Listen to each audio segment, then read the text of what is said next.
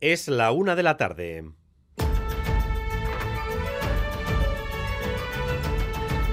Crónica de Euskadi con Dani Álvarez.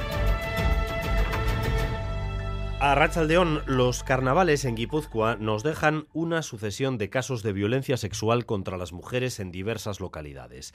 Además de la denuncia que les contábamos ayer en Azpeitia, se acaban, de conocer otras tres más. Anegoñi. Dos de las denuncias han interpuesto en Tolosa y la otra en Ibarra y dos de las tres víctimas son menores de edad. Sin duda el peor cierre de los carnavales de este año. La Archancha ha detenido a dos hombres por estas agresiones, aunque uno de ellos ha quedado en libertad después de comparecer ante el juez. El Ayuntamiento de Tolosa, junto con la Comisión de Fiestas, va a llevar a cabo esta tarde una acción de condena por lo ocurrido. A estas agresiones hay que sumar las que se registraron el domingo por la noche en Azpeitia y por las que un hombre fue detenido. Esta mañana ha pasado a disposición judicial. Israel se prepara para invadir Rafah. Los llamamientos que han hecho los líderes de diferentes gobiernos para que Israel actúe con contención y primero diseñe un plan para evacuar a los civiles de la ciudad fronteriza no parece que vayan a tener efecto y de hecho son cientos los palestinos que han comenzado ya a huir de la ciudad ante el temor a una inminente entrada del ejército.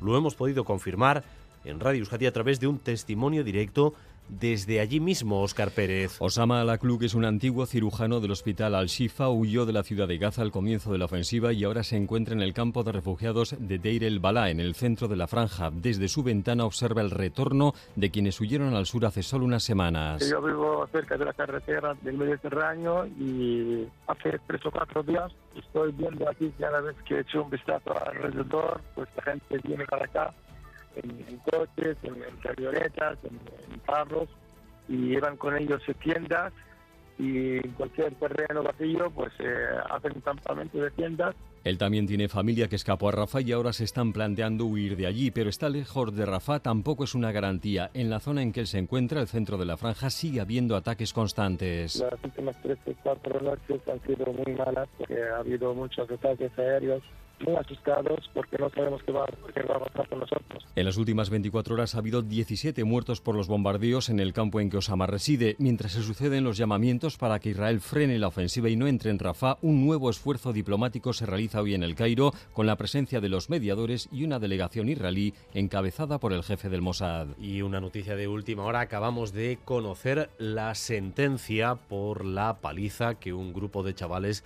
le dieron a Alessandro Ionita en Amorebieta, una paliza como consecuencia de la cual sufre secuelas de por vida. Y Manuel Manterola. La audiencia de Vizcaya ha condenado a seis de los siete acusados a penas de cárcel de entre 10 y 20 años. La pena más elevada se impone a cuatro como autores de un delito de asesinato en grado de tentativa con pertenencia a grupo criminal. 14 años a otro de los procesados al que se le aplica la atenuante de anomalía psíquica. 10 años de prisión a un sexto como cómplice de asesinato.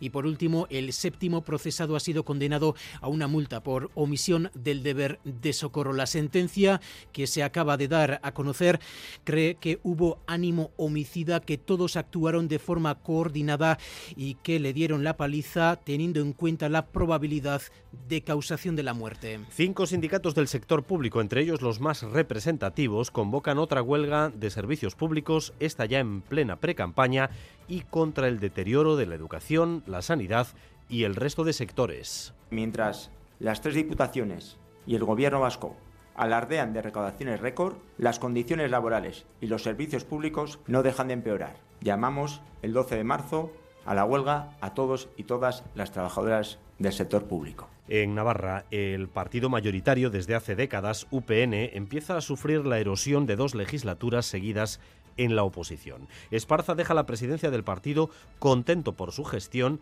y negando que sean incapaces de pactar con nadie, aunque sí aprovecha para hacerle una dejada a Gueroa Bay y al PNV. Apoyando los pactos de los socialistas con EH Bildu, están retrocediendo y saliendo del foco. Gueroa Bay en el año 2015 era la segunda fuerza política en esta comunidad y hoy es la cuarta fuerza política en esta comunidad. Quiere decir que esa pinza que el Partido Socialista está, ha decidido, ese acuerdo entre los socialistas y Bildu, pues obviamente a nosotros nos limita la posibilidad de gobernar esta tierra, pero a Grabay se lo va a terminar comiendo.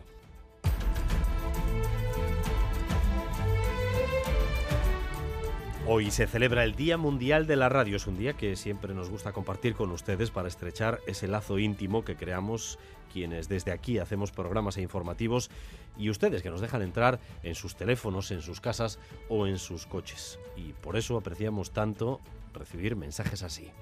Aita la pone todas las mañanas y a mamá también nos suele escuchar. Me gustan las noticias porque al final vas un poco actualizada a diario, ¿no? Os oigo y según las voces vas imaginándote, pues este puede ser así, este puede ser así. Mi Aita tiene cabras y lleva una radio chiquitina en el bolsillo. Las cabras de mi Aita no han oído otra cosa que Radio Euskadi, generaciones y generaciones de cabras. Y presentada la primera exposición individual de la sala Uribitarte 40 en Bilbao Arte. Se titula Control Material, Control Intangible, de Jorge Isla. Ha sido concebida específicamente para esa sala y se articula en torno a una instalación y un conjunto de seis obras en las que el autor reflexiona sobre cuestiones como el precio y el valor de la obra de arte. Habla la directora de Uribitarte 40, Elena López Camacho. Es un reto, pero los retos siempre son interesantes. Desde luego Jorge ha hecho una propuesta muy conceptual, muy contemporánea, en la que ha sabido trabajar a la perfección con el espacio, jugar con la propia arquitectura y presentar un proyecto que es representativo de su trayectoria, de su lenguaje artístico y también de las tendencias o movimientos artísticos de la actualidad. Vamos también con lo más destacado del deporte con César Pérez Gazola, Zarrachaldeón, César. Gracias, don Dani. La Real Sociedad está ahora mismo de viaje hacia París mañana y ante el PSG de Mbappé juega el conjunto Churdin la ida de los octavos de final de la Liga de Campeones. Ha viajado desde el aeropuerto de Biarritz con Taque Cubo, renovado hasta el año 2029, y también con Mikel Oyarzábal, el capitán es el máximo goleador del equipo de los esta temporada. Sufrió un golpe en Montilivi hace 10 días en la rodilla. No ha jugado los últimos dos partidos, pero Imanol confía y va a aguantar a su última hora para saber si puede contar o no con Ibarzabal para la cita de mañana en el Parque de los Príncipes. Y en el Parejas de Pelota, hoy comienza esta tarde en el Beotíbar en Tolosa, en este martes de Carnaval, la última jornada de la Liga de Cuartos. Peña y Albisu contra Zabala, recambio otra vez de Altuna por tercer partido consecutivo y Julen Martí.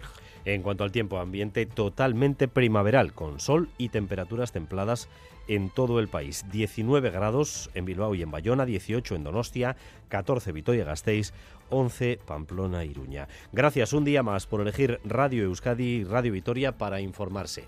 Yayone Menjón y Asier Iriarte se encargan de la dirección técnica, María Cereceda de la coordinación. Crónica de Euskadi con Dani Álvarez.